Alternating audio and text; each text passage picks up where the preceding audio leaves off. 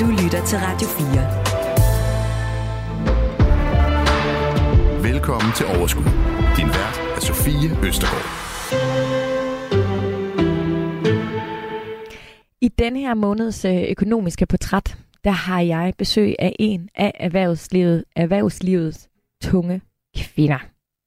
23 bestyrelser, været CEO hos Tryk i 8 år og er nu opstillet som spidskandidat for Europaparlamentet for Moderaterne, eller til Europaparlamentet for Moderaterne, og sidder fortsat i bestyrelsen hos verdens næststørste forsikrings- og finansvirksomhed, Allianz, og hos Norges største bank- og finanskoncern, DNB Norway. Selvfølgelig er det dig, Stine Bosse, som jeg øh, taler om her. Velkommen til Overskud. Tak skal du have. Du er øh, forretningskvinde, kan man mm. kalde dig det? Mm, det kan man godt. Og nu politiker? Ja. Ja. Og rider af Dannebro. ja. Det, det synes også. jeg, det er sejt. Ja, men øh, det er det vel også gået hen og blevet. Altså, jeg føler jo stadigvæk, at det er, det er lille Stine fra Gilleleje, mm. der nu øh, har meldt sig ind hos lille Lars fra Græsted. ja. Så, så må ikke... Øh, jo, jamen det ser jo anderledes ud indenfra, men jeg kan godt forstå, at, at man kan tænke, hold da op. Men ja. det er jo 23 bestyrelser igennem rigtig, rigtig mange år, og blanding af store og små og så videre. Og øh, med til historien hører også, at jeg stopper faktisk i Alliance til foråret, ja. fordi at jeg vil have rigtig meget tid til at i mig det politiske arbejde. Mm. Hvorfor? Altså, hvorfor politik? Mm. Jeg har altid haft tre kriterier for at skulle sige ja, og jeg er blevet spurgt et par gange. Øhm, og det ene det er, at det har altid været europapolitik for mig. Altså, det, det, det vil være der, jeg bliver bedst, og det skal man selvfølgelig være klar på med sig selv. Så øh, skulle det være et rigtigt parti, og der har været et par andre i spil undervejs, øh, hvor jeg har været medlem, men, men hvor jeg bare her kan konstatere, at der er højt til loftet, der er øh, åbenhed for idéer, altså konkrete idéer til nye politiske løsninger. Øh, Øh, og og det, kan, det bekommer mig rigtig godt. Og den sidste øh, ting, som jeg øh, synes skulle være der, altså hvis man bliver spurgt om noget, og det blev jeg, om man virkelig synes, der er noget at gøre, og nogen tror, man kan være med til at gøre den forskel, så synes jeg næsten, man har en pligt til det. Altså, der er jo så store udfordringer i verden i dag, så når nogle andre tænker, det kan hun godt være med til at flytte på, så kunne jeg ikke sige nej. Jeg kan ikke lade være med øhm, at have lyst til at spørge dig om noget, fordi øhm, jeg, jeg laver tv, og jeg, jeg, jeg tænker meget over, øhm, hvilket ansvar der følger med. Øh, mm. Det, øh, at nogen har set mig i fjernsynet. Ja. Så jeg har, øhm, i forhold til andre, øh, jeg er meget bevidst om, at jeg har en platform at tale ud fra, ja. som jo ikke nødvendigvis gør, at jeg har mere ret end nej, andre, nej. men som gør, at der i nogle tilfælde er flere, der lytter til mig, mm. end til andre. Hvad har du gjort der, altså, øh, af de overvejelser? Fordi du har på en eller anden måde lidt en fordel eller en ja. forlomme i ja. forhold til øh, øh, Stine fra Rigskov, som mm. ingen øh, har hørt om øh, mm. tidligere. Men det har jeg selvfølgelig tænkt meget over. Jeg har tænkt over det i lang tid.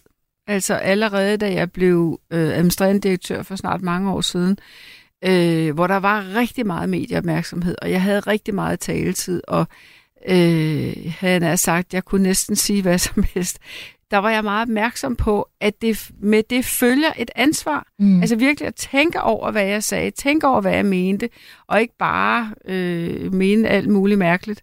Øh, så det er den ene side af det, og den anden side er, at jeg er jo helt klar over, at der, der er en fordel, øh, når, man, når man i forvejen øh, er en kendt person, og at det selvfølgelig også er en bevæggrund for at spørge mig. Men det sænker jo ikke, hvad kan man sige, min forpligtelse Øh, måske i virkeligheden tværtimod. Ikke? Altså, når, når jeg har haft det privilegie, og mit liv har været fyldt af alt muligt fuldstændig fantastisk, og alt muligt fuldstændig ikke særlig fantastisk. Øh, men når der har formet sig sådan, at jeg har været privilegeret, har fået en platform, skal den så ikke også virkelig bruges til noget nyttigt? Det er nok måske i virkeligheden grund til, at min datter sagde til mig, mor, det skal du, for der er noget, du ikke har gjort færdigt. Og det er virkelig keywords for min beslutning, at, at, at da hun sagde det til mig i telefonen, og der får jeg altså svar på tiltale, øh, så tænkte jeg, at det er fuldstændig rigtigt. Og det har været rigtigt lige siden. Jeg er meget, meget glad for min beslutning. Og den beslutning, den øh, har også øh, en indvirkning på din øh, økonomi, og det vender vi tilbage til øh, lidt senere. Ja. Men hvad har det af, ind, af, betydning for din tid og for din bestyrelsesarbejde? Øh, ja, arbejde ja, og... Ja. Altså, øh, som sagt stopper jeg i alliancer. jeg var faktisk i forhandlinger med nogen om en ny, øh, meget stor international bestyrelsespost, da, da det her melder sig. Øh, og øh, så man kan ikke alt.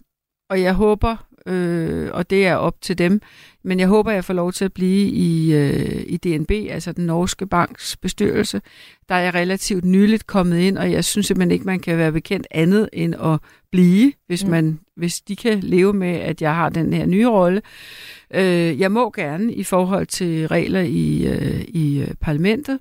Jeg har sagt til mine kollegaer i Grønland, at jeg kan ikke fortsætte der øh, fordi det kommer simpelthen til at tage for meget tid i forhold til, til øh, at være i Bruxelles så mange dage om ugen.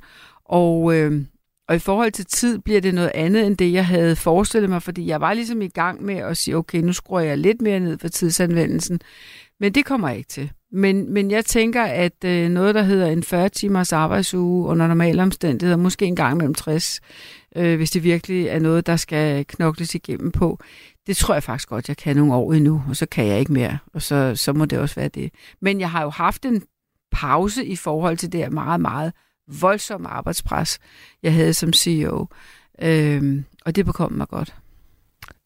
Så en arbejdsuge på 40-60 timer for en CEO i tryk, den, det... Det havde jeg. Jamen altså, det, det den, var det aldrig 40. Nej. Altså 50-60. Ja. Aldrig 40. Du lytter til Radio 4. Altså, øh, jeg kunne godt tænke mig, at det, det her er jo et økonomisk portræt øh, ja. af dig, Stine. Mm. Og øh, noget af det, som slår mig, det er, at øh, du har haft en, øh, du må have haft en hæftig nedgang i din løn de senere par år, og nu, hvis du kommer, øh, hvis du bliver valgt til Europaparlamentet, ja. så må det også være, øh, ja. i hvert fald ikke for lønnens skyld. Absolut ikke for lønnens skyld. Nej. Hvor meget øh, tjener man som CEO hos øh, Tryk? Jamen altså, hvis jeg var blevet, det tør jeg jo slet ikke tænke på, fordi altså lønningerne for, for øh, den type job, de har jo kun haft en retning de sidste 10 år, og det har været opad. Det kan vi også godt diskutere, men, øh, men jeg tror, da jeg sluttede, der havde jeg vel en bruttoløn i størrelsesorden øh, 12, 12,5 millioner om året. Brutto. Altså det vil sige, det er jo før skat, og det er før indbetalinger til pension. Ikke? Men det er også mange penge. Og så øh, blev den jo delt til en sjette del eller sådan noget, fordi altså, så har jeg jo lavet bestyrelsesarbejde, ikke? og der har jeg heller ikke været, ikke haft så mange, som nogen har. For nogen, nogen synes jo, at man skal have lige så mange bestyrelser skravet sammen, så man kan opretholde et niveau, som svarer til en CEO-løn. Det mener jeg er helt forkert. Øh, og jeg vil med vilje ikke det. Jeg vil øh, også lave frivilligt arbejde, og det har jeg gjort rigtig meget faktisk. Tidsmæssigt brugt mest tid på frivilligt arbejde. Og, øh, og så har jeg haft en, en årsindtægt, som har været cirka en del af det, jeg kom fra. Og nu går jeg ned til vel en halvering. Altså, jeg kan det. fortælle dig, fordi jeg har faktisk været inde og dykke lidt ned i Folketings, eller inde på Folketings hjemmeside. 780.000 kroner. Ja. Så det er mere ja. end en halvering. Ja. Ja, sådan må det Kan være. du overhovedet leve af det? det kan jeg. Men ja. det kan jeg af mange grunde, og det kommer vi sikkert også ind på. Men jeg er ikke sådan en, der har et gigantisk privat forbrug. Ja. Øh, og jeg er heller ikke en, som øh, ikke har en god opsparing. Lad os sige det sådan. Jeg har altså, været forsigtig det... med mine penge. Og 780.000 er jo stadigvæk en, det er der mange, mange penge. mange, mange, mange penge det synes jeg for en årsløn. Ikke? Ja. Men det er jo klart, jeg kan jo ikke lade være med at tænke, hvis man sidder og tjener 12 millioner om året, jamen får du så også en livsstil, der kræver, at der kommer 12 millioner ind om året, fordi så er det jo en kæmpe stor nedgang. Det gjorde jeg ikke, fordi tidligt i min karriere, der besluttede jeg mig for, at jeg ville aldrig binde min private økonomi, altså i form af forbrug og forpligtelser, så hårdt op, at jeg skulle beholde det job, jeg havde. Mm. Og det galt også, da jeg var CEO. Jeg ville have det sådan, så hvis der var noget, jeg ikke synes var rigtigt eller ordentligt eller noget andet, så kunne jeg gå min vej på dagen. Du var selv kort inde på det, at øh, lønningerne øh, stiger jo også. Altså, er der nogen, der er så mange penge værd? Det er et enormt svært spørgsmål. Var du sige, din løn værd? Det håber jeg, jeg var. Men, men, men jeg synes, altså jeg synes der, hvor det vokser sådan ind i himlen, at man bliver nødt til at spørge sig selv, om det virkelig kan være rigtigt. Og man har så nogle, i, i mange andre lande, der bruger man også at offentliggøre, altså du ved, hvor mange, hvor mange gange gennemsnitslønnen får CEO'en. Det er ligesom sådan en meget god rettesnor. Mm. Øh, og hvis det, hvis det vokser helt vildt, så tror jeg faktisk også, at vi mister noget. Det, det må jeg bare sige. Øh, jeg under folk at have en høj løn. Jeg har selv haft en høj løn. Jeg håber, jeg var det det værd. Men, men, men jeg synes, at hvis retningen kun bliver altså 10-20 procent højere om året, hvor lønmodtagere i øvrigt stiger, hvis de er rigtig heldige, de der 3-5 procent om året, ikke? så synes jeg, der bliver for stort et gab, og så tror jeg, man kan ende et forkert sted. Hvordan, altså, det, altså det, det på en eller anden måde fremgår det jo, at det jo i hvert fald ikke er den højere løn, der er din drivkraft. Mm, det er det ikke. Fordi de fleste i karrieren, de, de går efter at få en højere løn. Du gør det sådan lidt omvendt, kan man sige. Mm. Og kigger ind i noget lavere løn, om den stadigvæk er, er høj. Ja. Hvad, du taler om dine tre kriterier, når du skal vælge, hvad du skal lave. Men, men det handler om, at altså, du kan sige, fordi jeg har valgt at leve fornuftigt, vil nogen sige, og jeg altså, jeg er jo ikke sådan en, der ikke går ud og spiser, eller rejser, eller gør ting og sager. Jeg har bare aldrig haft et overforbrug i forhold til mine indtægter. Derfor har jeg en god og sund opsparing, som jeg også kan læne mig op af. Så jeg, jeg kan tillade mig, og det vil jeg gerne skynde mig lidt at sige, det er jo helt klar over, det er også et privilegie. Det er jo ikke alle, der kan tillade sig det, men jeg kan tillade mig at være drevet af noget andet. Og jeg er faktisk drevet af noget andet. Og det her, det, det handler om, at jeg synes, der er så mange ting, som skal ændres på de kommende år. Der er så store kriser, som skal håndteres. Der er så meget kommunikation til øh, borgere i det ganske danske land om, hvad foregår der i Europa? Hvad, hvordan kan vi påvirke de ting, som jo i den grad har indflydelse på vores sikkerhed, vores sundhed, altså alle mulige parametre rundt om os. Mm. Og det synes jeg, det synes jeg er drivkraft nok. Jeg behøver ikke mere. Hvordan, øh, du siger, du har din opsparing. Har du investeringer, eller ja. står de på en konto, eller ja. hvordan har du... Ja. Altså, jeg har, jeg har pensionsordning, som jeg har haft i mange år. Det er et lille råd til den yngre lytter. Kom i gang tidligt. Det lyder helt tosset, når man er helt ung. Men og meget kedeligt. Ja, meget kedeligt og meget irrelevant. Men trust me, det bliver hurtigere relevant, end I har lyst til at tænke på, og det skal bare være lidt. Bare en lille smule. Øhm, så det har jeg gjort fra, fra tidligt, og så har jeg selvfølgelig øh, øh, undervejs skudt mere ind, øh, og så har jeg ved siden af det også en, øh, en investeringsportefølje med, med aktier og obligationer, og så har jeg... Styrer du selv den? Ja, sammen med min bank. Altså, mm. jeg har en, en, en, en, en rådgiver i min bank, ikke, som jeg taler med om det, men, men øh, ellers, vi, vi styrer det sammen. Ja. Jeg kunne helt vildt godt tænke mig at og spørge dig om, du tror, at dine vilkår og din løn havde været anderledes i for eksempel tryk, hvis du havde været en mand? I de første år, ja.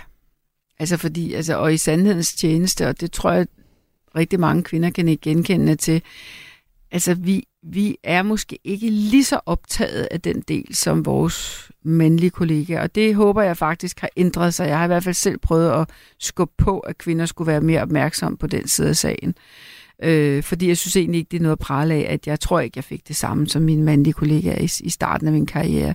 De, ses, de sidste måske 4-5 år i tryk, der var jeg mere opmærksom på det. Men, men hvis du have den, vil du have den sandfærdige historie? Jep.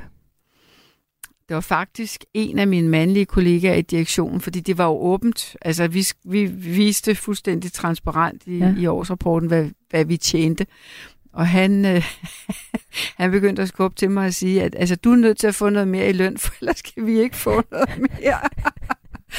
så, øh, så jeg blev stærkt inspireret til at bede om noget mere i løn. Men jeg, det blev jeg så også god til, at sige det sådan. altså en, en mand, der ligesom, fordi han gerne ville have mere i løn, Ja, fordi han, sige. han, han var jo under mig i løn, ikke? og han Ja. synes, han fortjente noget mere. Så begyndte han at skubbe lidt alvorligt til mig og sige, altså du er simpelthen nødt til at få betydeligt mere i løn. Nå, for sagome, så må jeg tage mig sammen. Ja.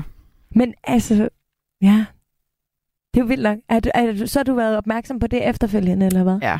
Så, så har jeg ikke været... Øh, jeg synes ikke, det var naivt. Jeg synes, det var... Jeg synes, og jeg synes stadigvæk også, at det faktisk er vigtigt, at man holder fast i, og det er uanset om man er mand eller kvinde, at løn er rigtig vigtigt, og det er det, og det er dejligt, og det er også fint at tjene øh, gode penge, men der skal mere til. Altså et, et, et glad arbejdsliv, og et glad liv i det hele taget, der skal bare mere til. Altså fordi du kan jo sidde fuldstændig mutters alene en dag med rigtig mange penge, øh, der kommer ikke nogen og besøger dig, Altså, så kan du selvfølgelig købe nogen til at komme og snakke med dig, altså, men det, der, det er jo, det, livet handler jo om meget mere end det. Du kan også sidde en dag og tænke, hvad fik jeg egentlig ud af det? her? Jeg tjente en masse penge, men det var det. Jeg udrettede ikke rigtig noget. Og, og der står heller ikke nogen ved min gravsten en dag og siger tak for noget som helst.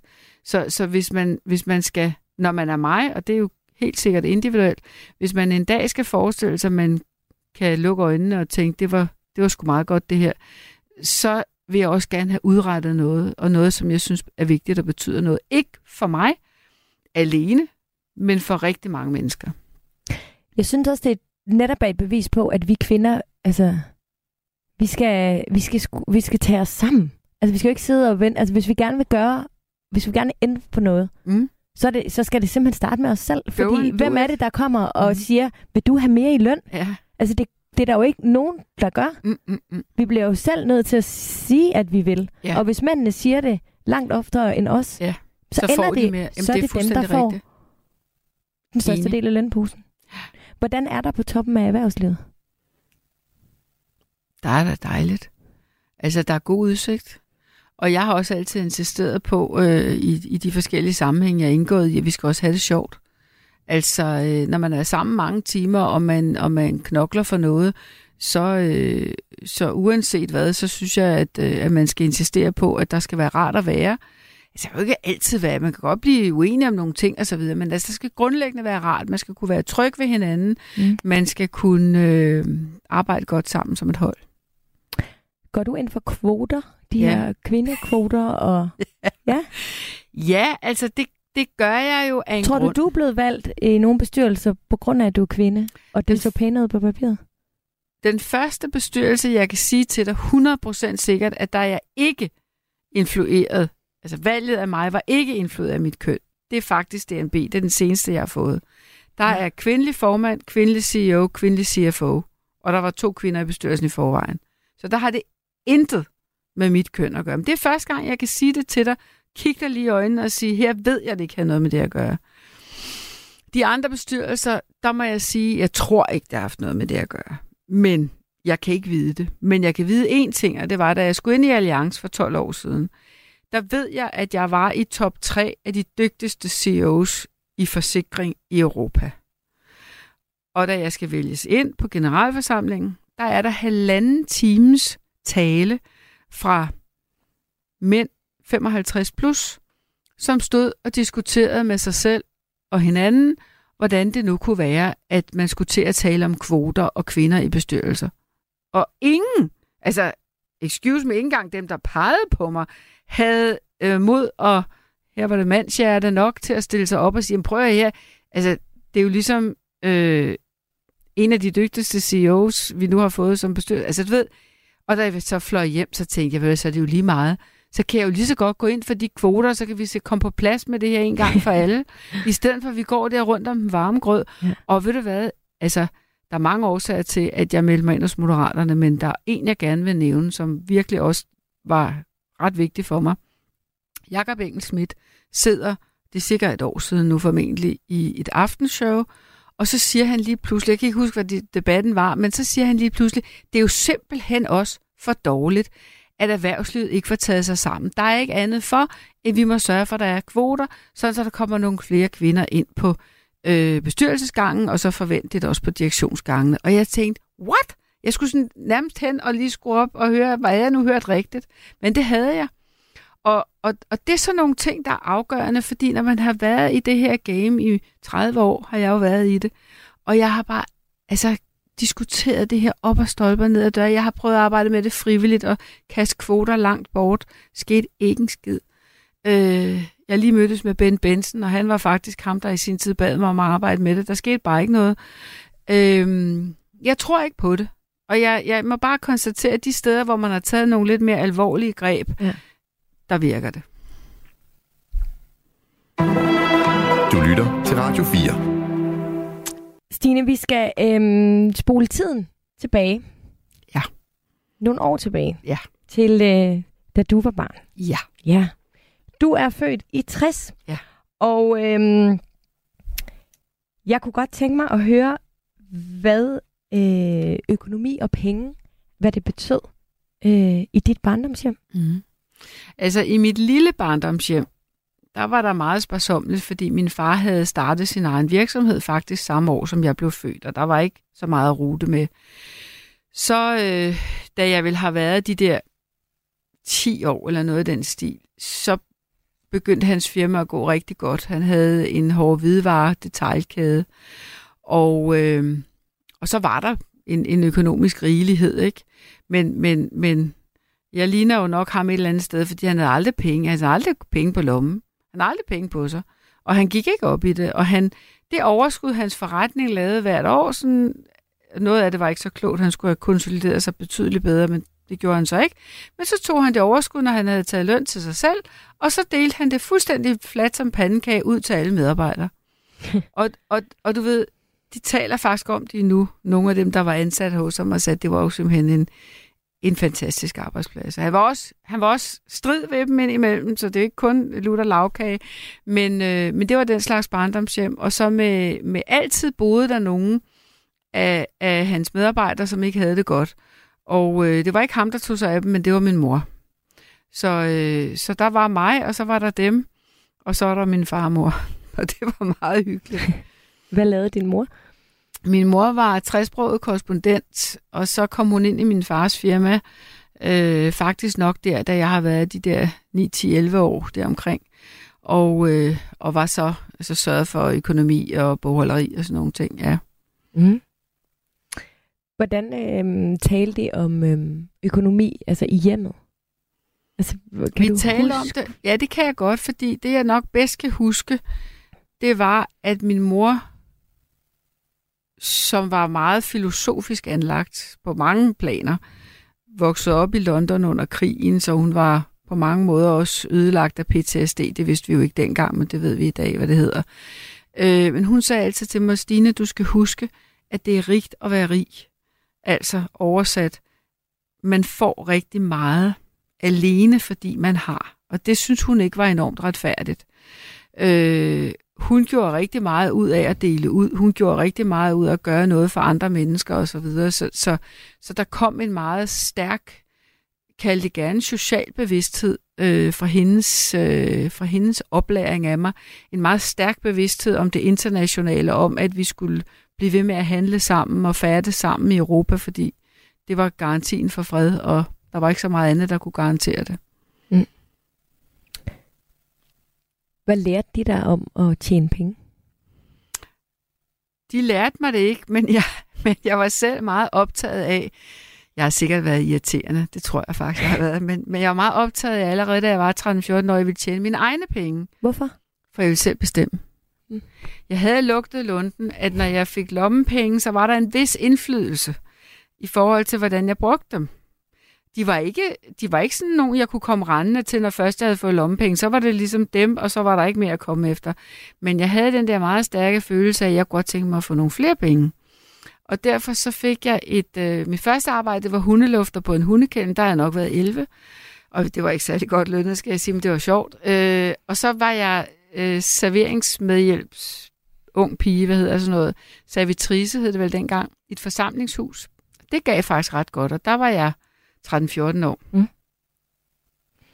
Jeg har øh, læst et interview, hvor du øh, faktisk øh, fortæller, at du på et tidspunkt skulle tale med rektoren på gymnasiet, ja. fordi du havde fravær på gymnasiet mm. på grund af arbejdet mm. ved siden af. Mm. tog, øh, tog det lidt overhånd, det her med at tjene din egen penge, eller... Det Eller- gjorde det nok lidt, ikke? Altså på det tidspunkt havde jeg også, øh, jeg havde betalt halvdelen selv, og min far havde betalt den anden halvdel.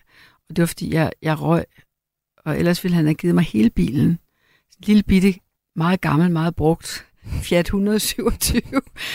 Og øh, jeg boede nemlig rigtig langt væk fra gymnasiet. Jeg boede i Gilleleje og gik i gymnasiet i Esbjerg, så, så, men han, han bøjede sig, sagde, til trods for, at du ryger, så betaler jeg halvdelen af den her bil. Men skulle jeg betale den anden halvdel selv? Jo, det krævede, at jeg havde knoklet lidt. Og, øh, og så havde jeg, for uden at jeg arbejdede meget, så havde jeg faktisk også det, at jeg ville ikke komme i skole uforberedt. Mm. Og øh, det gjorde jo så, at jeg fravær til trods havde ret høje karakterer. Så, øh, så jeg spurgte til rektor, om han egentlig havde fået kigget på min karakterblad. og det gjorde han så, og det var i 3.G. Og så sagde han, nå, ja, men nu begynder du at komme lidt mere. Er vi enige om det? Ja, ja, det, det gør vi. Ja, så jeg nåede ikke at få en rigtig advarsel, men øh, det var tæt på. Øhm, jeg ved, at øh, din fars virksomhed på et tidspunkt øh, går konkurs. Ja. Hvordan oplevede du det? meget traumatiserende. Altså, øh, og jeg har så, nu hørte jeg faktisk lige nu her i radioen, at hvor mange virksomheder, der lige as we speak, har det så svært. Det er jo efterdønningerne fra corona og inflation og alt muligt. Altså, det er ikke brækker i en statistik, når virksomheder går konkurs. Det er så sørgeligt rigtig mange steder. Fordi for min far var det et livsværk. Han var lidt ligesom jeg også siger, altså ikke specielt optaget af det med pengene. Måske lidt mere af prestigen faktisk, hvis jeg skal være helt ærlig. Det, det, det bekom ham nok lidt bedre. Men, men, men det, han var mest optaget af, det var skabelsen. Det var det der med, at han havde udrettet noget. Han havde skabt arbejdspladser. Han havde lavet nogle helt nye øh, formater på marketing, øh, som folk øh, lidt ældre end jeg selv vil kunne huske, hvor han skrev sådan store annoncer i avisen, tøm butikken, øh, og så kunne folk komme og selv hente deres hårde hvidevarer, så fik de dem jo altså for en utrolig billig penge. Ikke? Så han havde, han havde skabt noget, også som var en torn i øjnene på hans øh, konkurrenter, uden tvivl. Men, øh, men der, han, han tog nogle forkerte dispositioner, og, og, og der er jo ingen virksomheder, der kan klare sig uden sin bank. Og en af de ting, han gjorde, det var, at han skiftede bank, og den bank, han skiftede til, havde en anden stor hårdhvidevarekæde, og på et eller andet tidspunkt har den bank, det ved jeg jo i dag, fordi jeg ved nogenlunde, hvordan det foregår indenfra, sagt, jamen prøv at her, det her kan jo ikke holde i længden. Og så øh, begyndte jeg at knive med kreditterne til min far, og så som sagt tog han nogle forkerte beslutninger, og så, så gik han på rumpen. Og så havde han virkelig været uklog, for han havde drevet det som en enkeltmandsvirksomhed. Og det vil sige, at han gik jo personligt konkurs. Det kunne han godt have undgået, hvis han havde lyttet lidt mere. Det har jeg så bestræbt mig på, at være bedre til at lytte til, til gode råd fra, fra min omverden. Ja. Men det betyder så også, at det påvirkede familiens Uha. økonomi. Altså, der var jo ingenting. Det gik jo fra, fra at være, øh, altså, man ville have dengang sagt, vi hørte det den velhavende del i Gilleleje, til at de flyttede, og de flyttede fra et stort hus ud til vandet til en etværelseslejlighed i Helsingør, hvor jeg faktisk bor i dag. Men altså, altså ikke i den etværelseslejlighed, men jeg bor i Helsingør by. Men altså meget traumatisk for mine forældre, og min far gik fuldstændig, han kom aldrig rigtig op på hesten igen. Det gjorde han faktisk ikke. Han blev meget, meget ked af det, meget desillusioneret, meget bitter på nogle ting, som mm. mest af alt tror jeg, han blev bitter på sig selv, ikke? og det er jo en frygtelig, frygtelig følelse. Øhm, så nej, jeg ved, at det har, det, det er slet, slet ikke bare penge. Det er mange, mange ting. Når, Hvor gammel var du på det tidspunkt? Jamen, der var jeg lige der, hvor jeg blev student. Okay. Øh, faktisk, ja, lige de, i de måneder der. Så der er jo også sket meget for dig i dit liv på det Uha. tidspunkt. Ja. Øhm, og så det her oveni, altså... Ja. Ja. Hvordan, hvordan oplevede du, altså der var, der var ikke råd til de ting, der var tidligere, og, Men det er jo det, der er så mærkeligt, at øh, der var jeg på eller var du eller anden økonomisk måde, selvstændig Ja, næsten der? ja. ja. Det var jeg. Og jeg, midt i alt det der tumult flyttede jeg hjemmefra. Altså, hvor jeg også bare var sådan, jeg kan, ikke, øh, jeg kan ikke blive boende her. Jeg er nødt til at finde mit eget. Og jeg vidste jo godt, at de ikke kunne heller. Men jeg må så finde min egen lejlighed, og jeg var super, super heldig. Jeg fandt en lejlighed i Helsingør også faktisk. Og øh, på sådan en billetmærke, det hed det dengang. Og, øh, og besluttede så, i stedet for at gå direkte i gang med et universitetsstudie, jeg vidste, jeg ville på universitetet, men jeg vidste ikke rigtigt, hvad jeg ville læse, så tog jeg fuldtidsjob i en børnehave. Øh, på det tidspunkt havde jeg mødt øh, ham, der skulle blive min, min mand, første mand og barn, eller børnenes far. Øh, og vi besluttede begge to, at vi ville arbejde et år, og så sparede vi hele den ene løn op. Det var da super fornuftigt. Det formidlede hans forældre lidt, for de var ellers ikke så begejstrede for, at vi ikke var gået den direkte vej. Mine forældre var, de er så meget andet i hovedet, så de var sådan lidt mere easygoing. Men om sommeren, da vi så har alle de her penge i banken, og vi skulle, jeg skulle så læse jura, og han skulle læse på teknikum ingeniør, så går vi ned igennem Helsingør, og så siger han, har du set den røde motorcykel derinde i butikken? Ja, siger jeg så, den er fed. Så siger han, ej, sådan en har jeg altid ønsket mig. Så siger jeg, skal vi ikke gå ind og købe den? Så brugte vi halvdelen af vores opsparing og købte den kontant. Så havde vi en rød motorcykel, så vi kørte på tur til England. Ja. Så lidt impulsiv. Ja, altså, jeg er ikke, jeg er ikke impulsiv uforsigtig. Ja. Men jeg har det sådan, at hvis man ved, man har styrken i sin økonomi til at gøre noget, øh, så skal man gøre det. Man skal gøre det, mens man kan. Mm. Jeg købte for nogle år siden et hus i Grækenland, og det koster cirka det halve af et, af et gennemsnitsdansk sommerhus. I hvert fald, hvis vi tæller de nordsjællandske priser. Måske, hvis vi spreder lidt mere ud, er det nok ikke helt rigtigt. Men nordsjællandske priser. Øh, og det gjorde jeg, fordi jeg vidste, at jeg skulle, jeg skulle være frisk og rørig, og mit hoved skulle være fuldstændig frisk, for jeg skal lære en masse nyt. Jeg vil også lære græsk, og jeg skal også lære en masse nyt om, hvordan man gør ting i et andet land, osv. osv. Og det vil jeg kunne. Så det skal man ikke gemme til, man er midt i 70'erne. Det vil jeg stærkt fraråde, fordi det, det, det er lidt kom. Det samme med at, at køre elbil. Jeg besluttede mig for, at nu skal jeg være elbilist, fordi der er ny logistik, der er ny alt muligt, jeg skal lære, og jeg skal simpelthen ikke stå der og ikke kunne finde ud af det. Ja. Hvordan kan det være, at du ikke gik øh, den sådan selvstændige vej? Ligesom din far. Blev du skræmt af, af hans konkurs? Eller, altså fordi den her, det, når du fortæller om ham, og mm. det her med, at han var så um, betaget af at skabe noget, altså det var ja. skabelsen i det, det kunne jeg godt forestille mig havde smittet af på ja. Stine ja. øh, dengang. Men alligevel ville du på universitetet og, og gik en anden vej?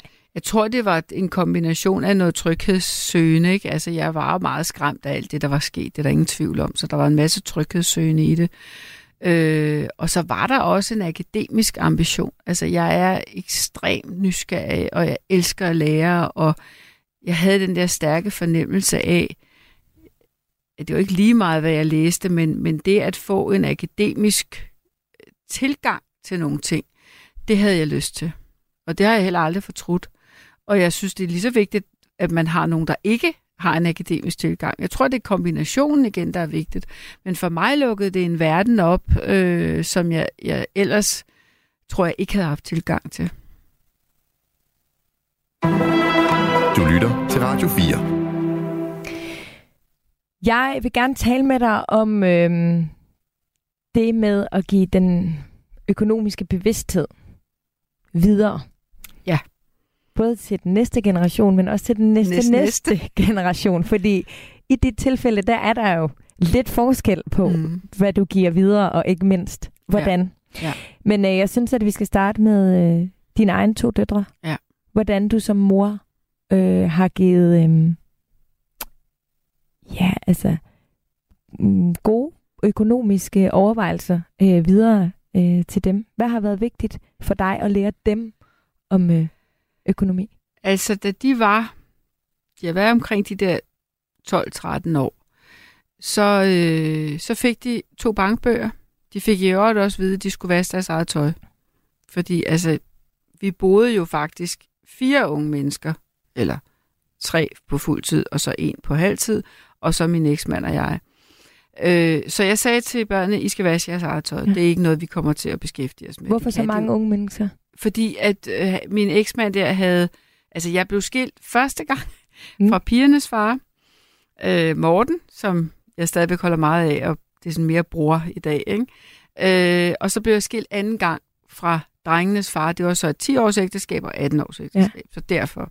Så der var to drenge med inde i familien der, som mm. jeg i øvrigt stadigvæk er meget tæt på og holder meget af. Nå, men jeg kunne jo ikke bestemme Som ikke, er, du er ikke mor til dem, men de kom dem. fra øh, ja. hans... Ja. Øh, ja. ja, Mm.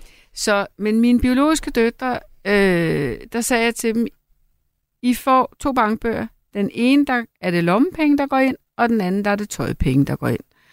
Og så kommer der ikke mere. Fordi på det tidspunkt begyndte min økonomi at være lidt stærkere, og jeg kunne godt måske mærke lidt, at jeg godt være sådan en, der kunne blive lidt fristet af, nå ja, okay, så værsgo her, ikke? Ja. Og jeg synes, det er usundt. Jeg tror ikke på det. Jeg havde set det også i, tæt på i noget familie, at det kommer der ikke noget godt ud af. Det bliver, det bliver, øh, det bliver for svært at blive selvstændigt tænkende omkring økonomi. Nå, så det gjorde jeg.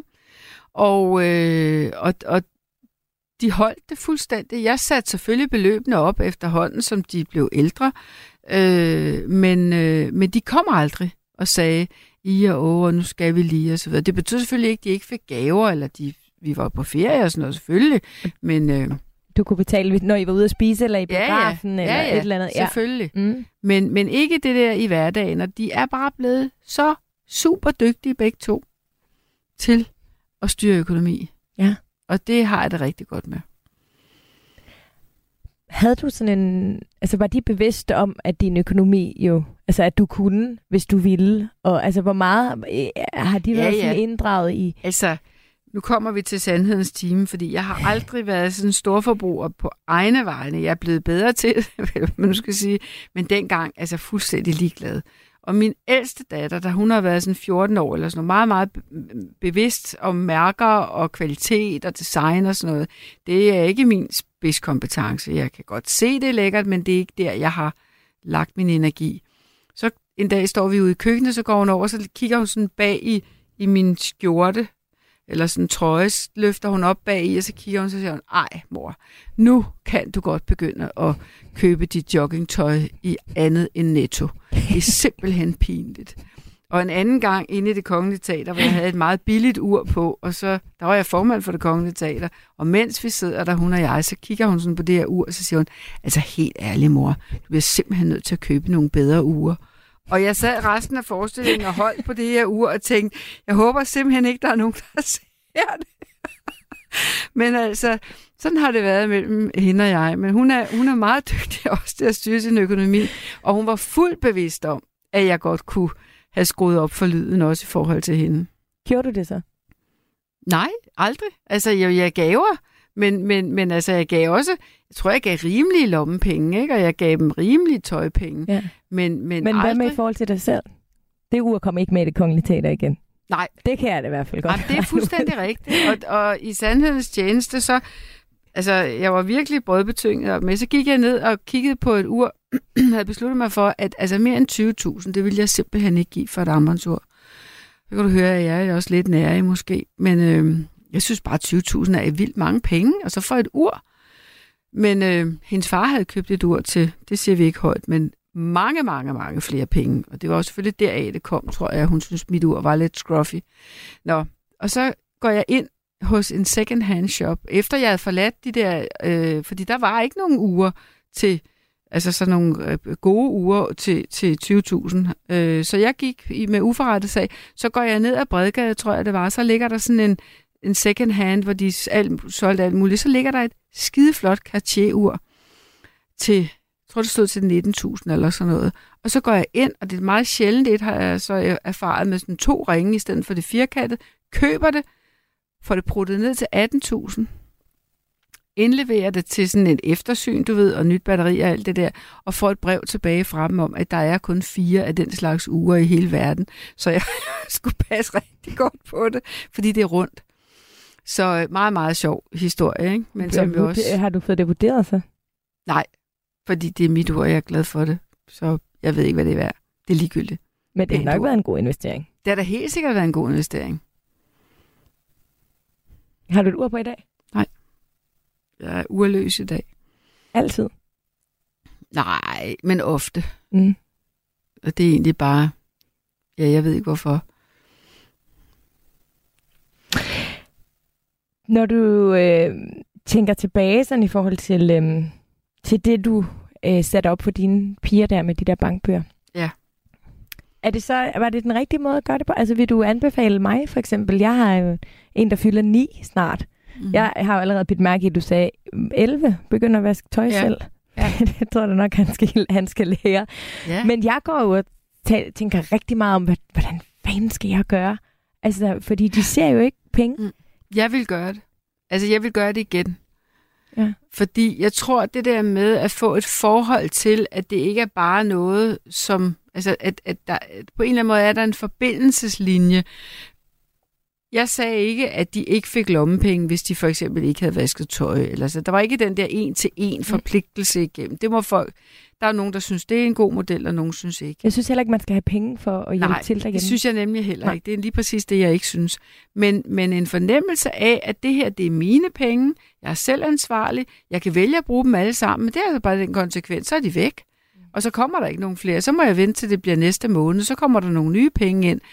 Og det der med, at man kan spare op, man kan vælge at bruge en lille smule den ene måned, og så er der jo mere næste måned, og så kan man få noget mere. Altså den der tanke, jeg kan huske, min, min yngste datter fik engang stjålet en cykel, og der må hun så allerede være i gang med at tænke sig lidt mere om økonomisk, fordi da hun så skulle have den erstattet, og det var en ret ny cykel, da hun så skulle have den erstattet, så siger hun, behøver jeg at købe en ny cykel? så var hun, så havde hun luret, at hvis hun jo ligesom, fordi hun vidste jo godt, at pengene skulle selvfølgelig være hendes, Ja. men, men, øh, men så kunne hun jo pludselig få flere penge på kontoen, end hendes søskende havde. Så du ved, det der med at have, have en lille færd af, Ja. ja. hvad det vil sige at spare nogle penge sammen, det, det tror jeg, vi lykkedes med. Har du talt øh, med dem efter, at øh, de er blevet voksne, og jo også selv har øh, fået børn? Har du talt med dem om, altså om det har haft den effekt og den betydning? Det siger de også. Ja. Og de siger også, at altså fordi nogle gange, så vil jeg jo rigtig gerne i dag være måske sådan, du ved, mere omsorgsfuld og mere et eller andet, og så siger de, jamen altså helt ærligt mor, du har jo lært os at klare os selv. Ja. Altså det, det, det, det, det er da det vigtigste, Så du har det lært følger os. med videre, Det at de følger jo med forventer ikke bare. Ja. Ja. Jeg har aldrig lavet forældrekøb og sådan noget. Aldrig. Hvorfor ikke? Jamen fordi, at jeg synes, det var vigtigt, at de selv disponerede så tidligt som muligt, at det kunne det. Men det er noget lidt andet med dine børnebørn. Lidt andet. lidt andet er det altså. Okay, vi tager. Du, du har fem børnebørn, ikke? har fem børnebørn. I alderen. I alderen næsten 14 og så 5. I den yngste. Der har du ikke helt det samme ansvar. Nej, jeg har jo ikke ansvar for det daglige. Det, det er der nogle andre, Er det der har. befriende? Skønt. Ja, Skønt. det hører jeg nemlig mange bedste forældre sige. Ja, ja, ja. At det er en vidunderlig måde Ja. at få små børn ind i Ja. livet på. Min datter sagde til mig på et tidspunkt, min yngste datter fik faktisk barn først, og hun sagde, altså helt ærligt mor, jeg tror næsten, det er federe at være mormor. og så sagde jeg, ja, men ved du, hvad adgangsbilletten er?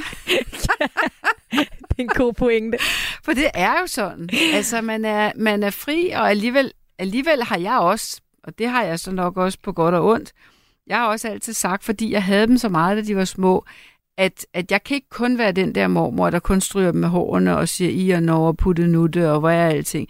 Jeg er også hende, der siger, prøv at det der går ikke. Mm. Det er simpelthen, altså sådan kan du ikke gøre. Eller, altså, jeg kan godt være opdragende mormor. Ja.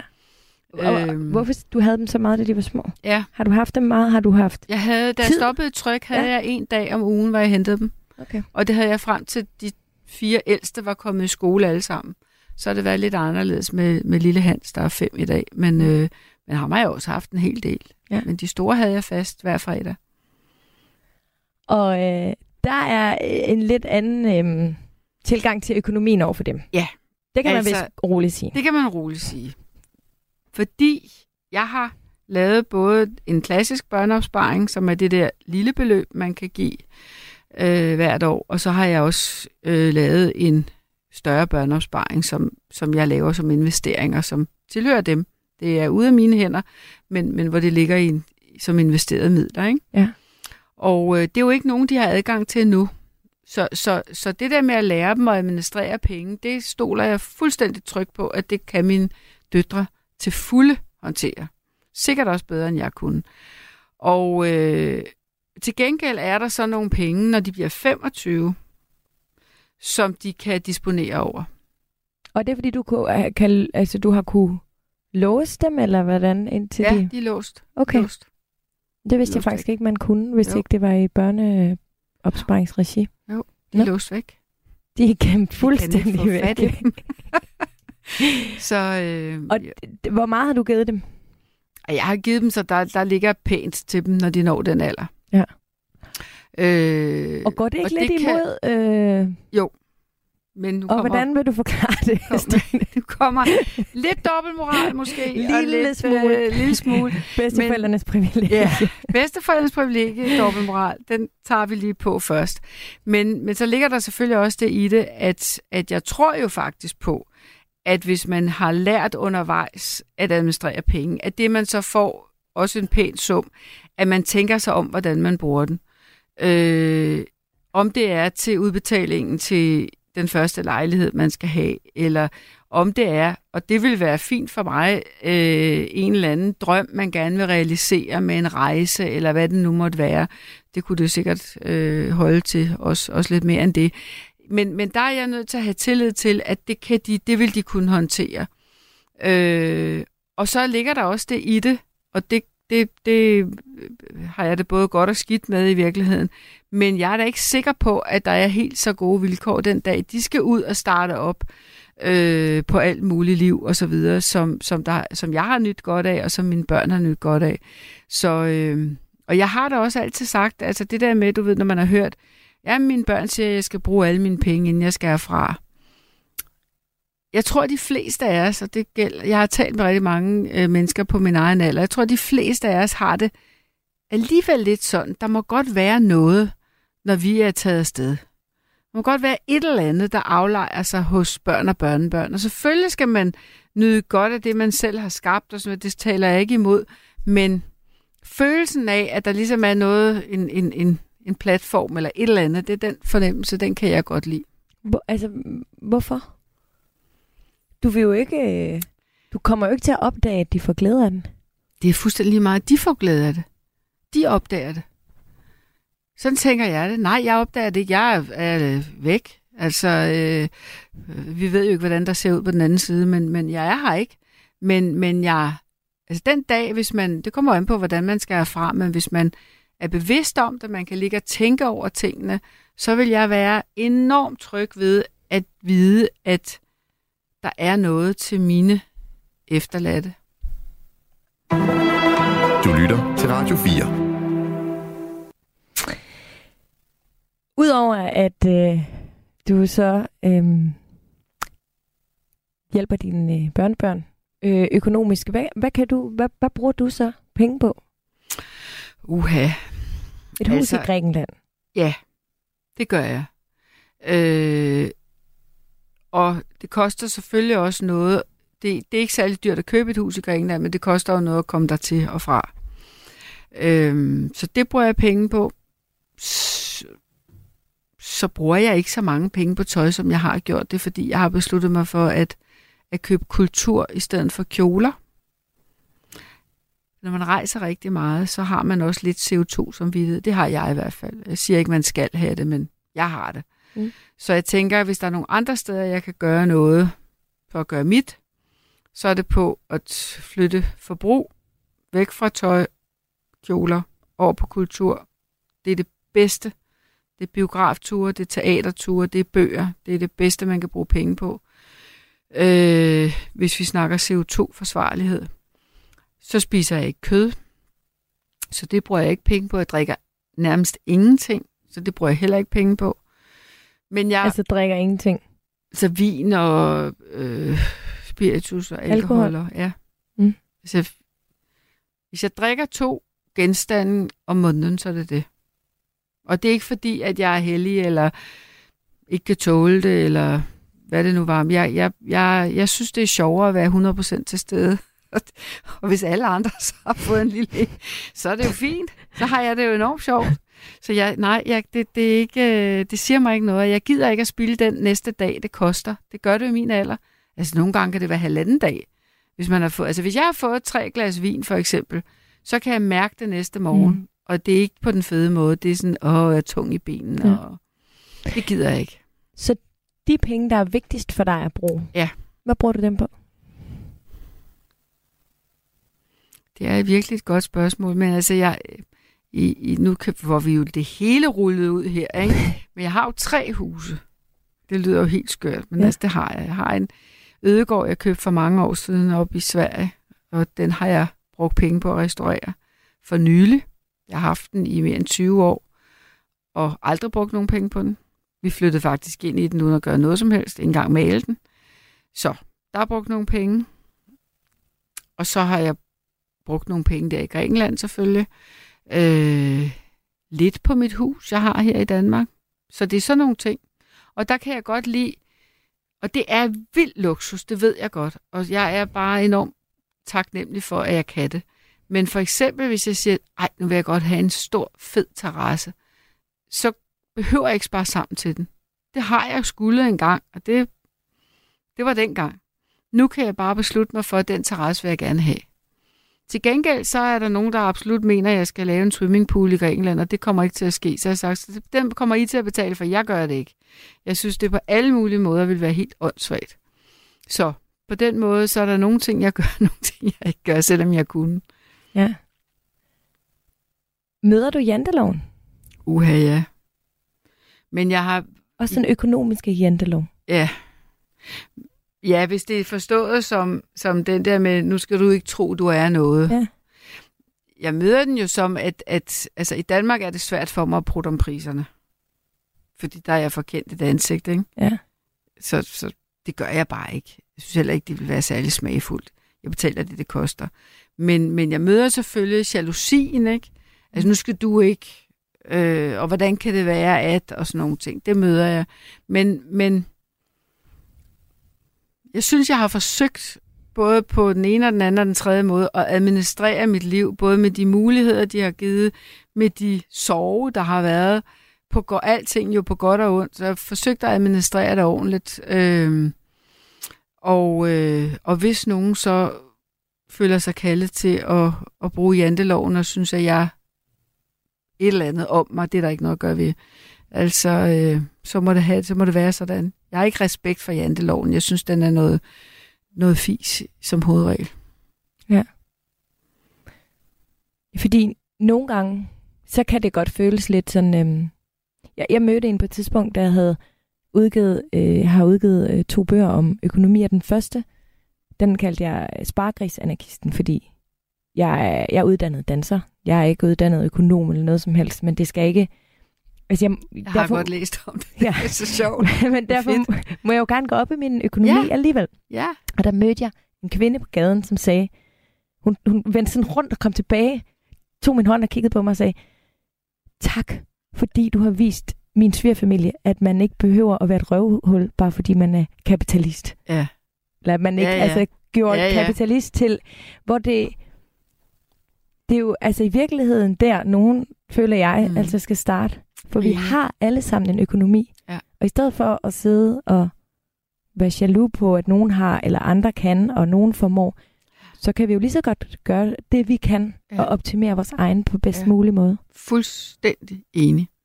Og det er også derfor, jeg siger det her med, at en stærk økonomi i min alder handler jo både om indtægter og udgifter.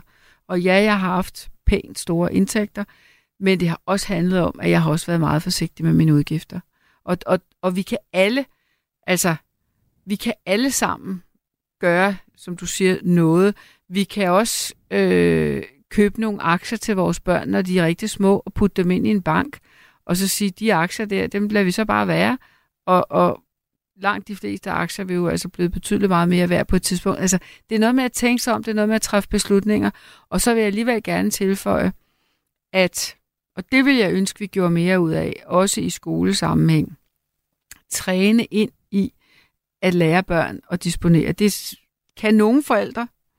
Jeg er sikker på, at du kan. Jeg ved, jeg kunne. Men det er jo ikke alle, der kan. Så, så lad det også være en del af grunduddannelsen i vores samfund, at træne øh, børn og unge mennesker i at, at kunne disponere over egen økonomi. Mm. Det tror jeg er rigtig vigtigt, for du kan jo se, du kan jo se alle de der elendige hurtiglån, og det er et klik, og så har du lånt 20.000, og du kommer til at betale 100.000 tilbage. Men hvis du ikke ved, hvad du laver, og hvis du er suget ind i et spil, eller du er suget ind i, nu skal jeg ud med nogle venner, eller på ferie, eller et eller Er andet. det rigtige mærker i nakken? Ja. Ja. Og så ved vi jo godt, hvis vi er helt ærlige, at det rammer nogle mennesker, og ikke alle. Og de nogle mennesker, dem har jeg, synes jeg, du og jeg, en forpligtelse på at prøve at gribe. Stine Bosse, tak fordi du ville være med. Tak fordi jeg måtte. Det har været så hyggeligt. Det synes jeg virkelig også. Og meget inspirerende. Tak. Inde på øh, Facebook-gruppen, der hedder Overskud Radio 4, der er du altid velkommen til at skrive, hvis du har et tema, du synes, jeg skal tage op. Og øh, ellers så vil jeg bare sige, at øh, du skal huske at lytte med næste gang. Programmet her, det var tilrettelagt af mig selv og af Maja Christine Grønbæk. Du har fået til job at synge kor for ABBA. Jamen, jeg var ikke simpelthen klar over, hvor sindssygt det egentlig var. Det var jeg jo ikke. Jeg var jo bare ni år og glad i låget. Musik er en hurtig genvej ind bag facaden. Jeg følte jo, at alle de sange var til mig. Ind bag den offentlige person. Jeg kiggede ind i et mørke. Det er jo der, jeg skal hen. Det er jo der, alt trøst er. I Portrætalbum bruger Anders Bøtter musikken til at vise nye sider af sine gæster. Carmen Køllers uh, Axel Byvang, har han en playliste? Jeg ved ikke, om jeg tør sige det. Det er så pinligt. Blandt andet Backstreet Boys.